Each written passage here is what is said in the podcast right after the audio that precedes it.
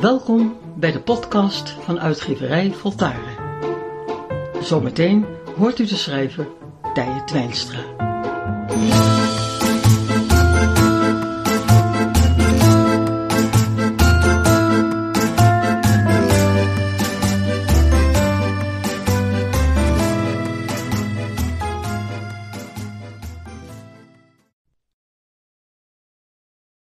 Soms kan iets kleins je helemaal in beslag nemen. Zoals bijvoorbeeld een bezoek aan de tandarts. Weken kun je er tegenop zien. Iedere dag moet je er wel een paar keer aan denken.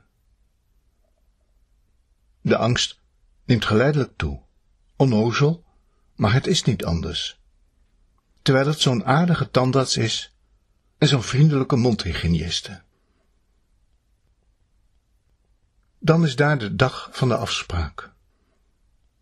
Je rijdt er naartoe. Lood in de schoenen. De elektrische tandenborstel helemaal leeggepoetst. Het is mooi dat het kan, hou je jezelf voor. Het is prachtig dat je op die manier voor veel ellende wordt gespaard. Maar ondanks al deze verstandige redeneringen blijft de angst. Zenuwbehandelingen liggen nog vers in het geheugen. Het snerpende geluid van de boor klinkt nog duidelijk na.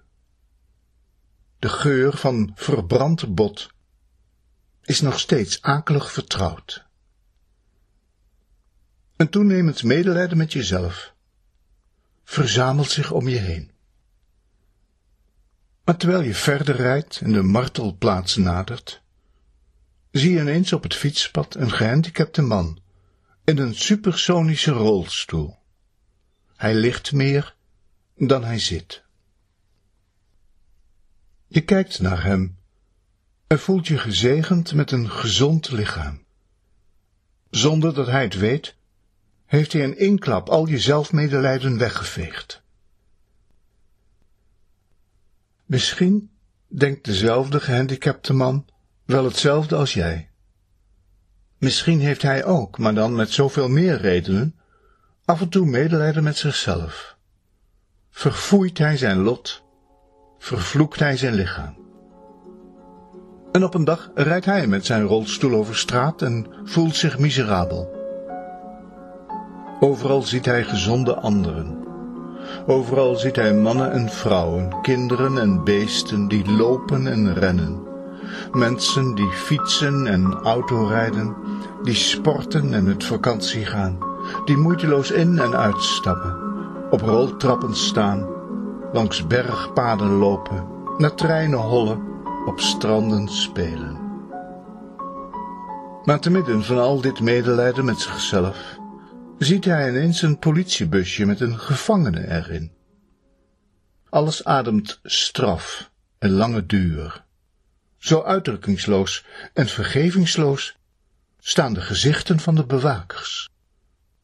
Wat ben ik blij dat ik vrij ben, denkt de gehandicapte man.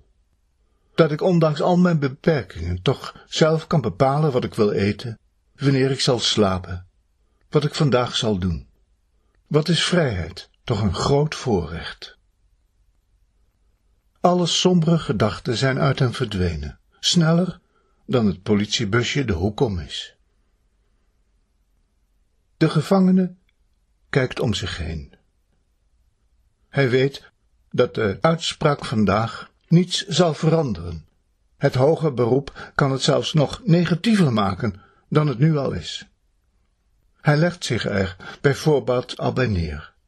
Is zijn hele leven geen opeenvolging van onbegrip, ontkenning en afwijzing? Deze kan er ook nog wel bij. Altijd de geslagen hond. Altijd degene die de klappen krijgt. Dat was vroeger als kind al zo. Dat was later zo op school, in de kindertehuizen en in de jeugdinrichtingen. Iedereen lijkt zich op hem af te reageren. Sommigen beweren dat het door zijn uitstraling komt. Iets in zijn ogen wat zo openhartig en direct is, dat de meeste mensen daar bang van worden.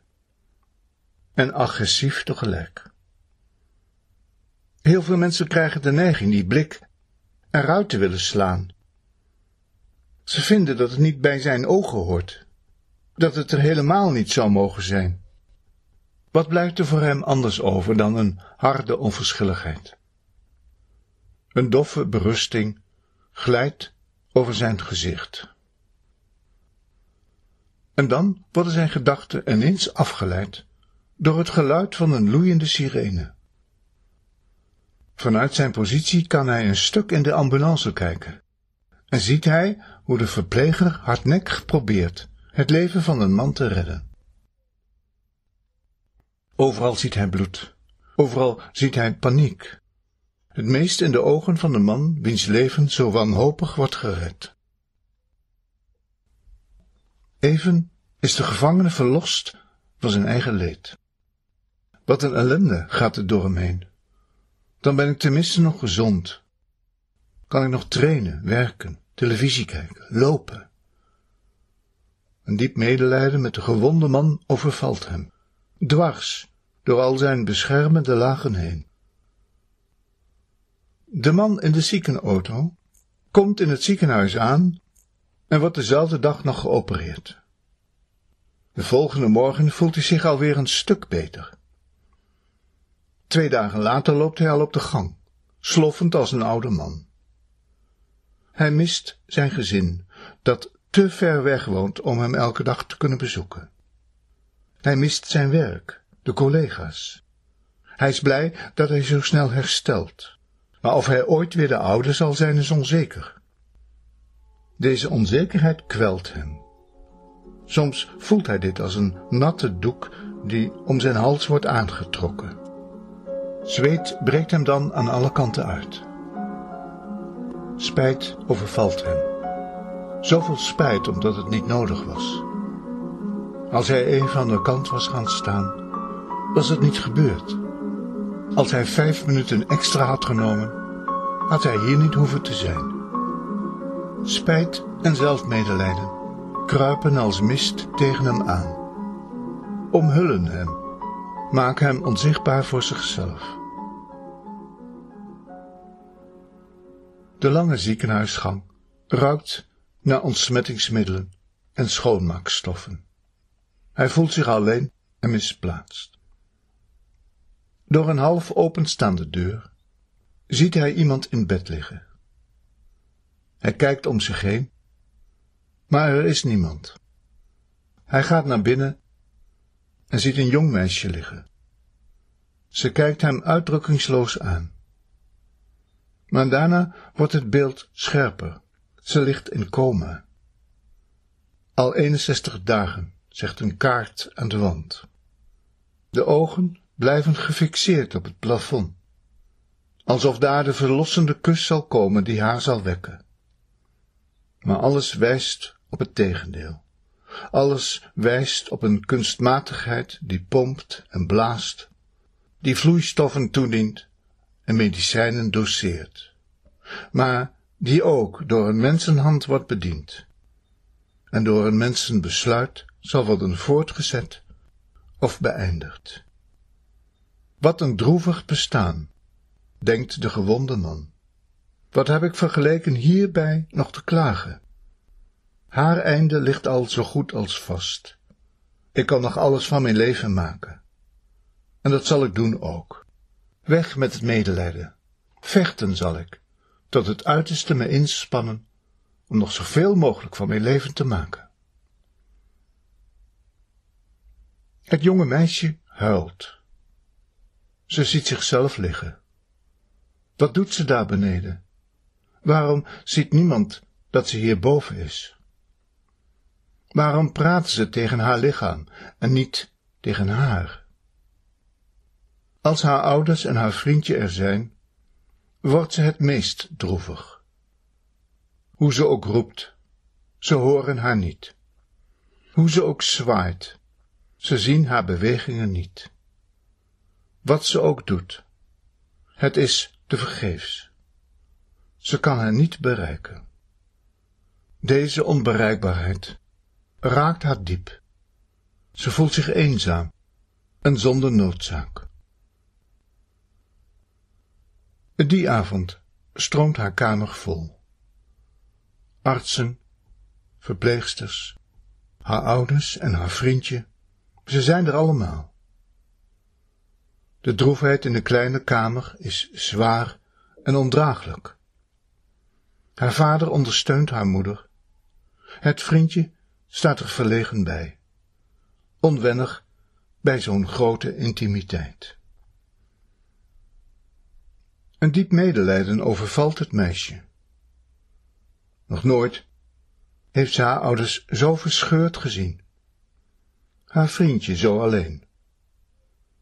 Haar eigen lot verbleekt bij zoveel menselijke duisternis. Ze weet dat ze haar dadelijk zullen bevrijden.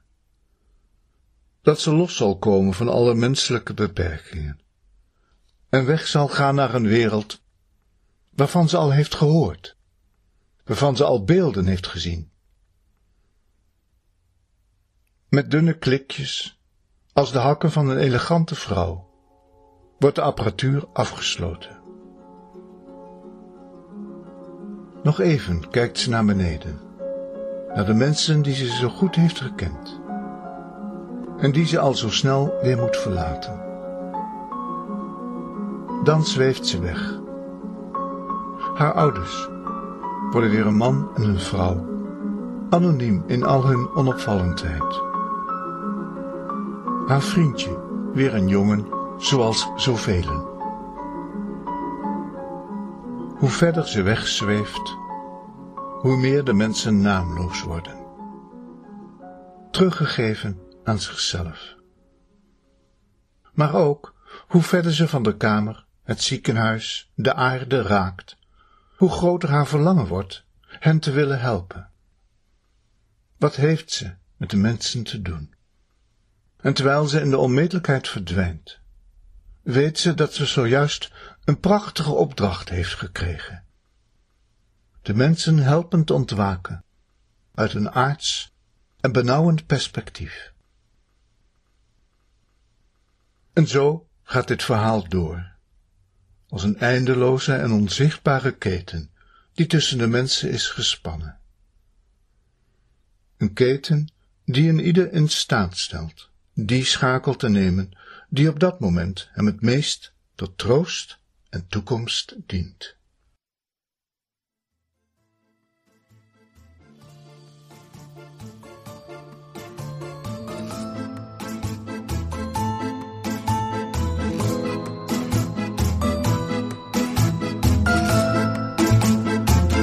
Het ga je goed en al maar beter.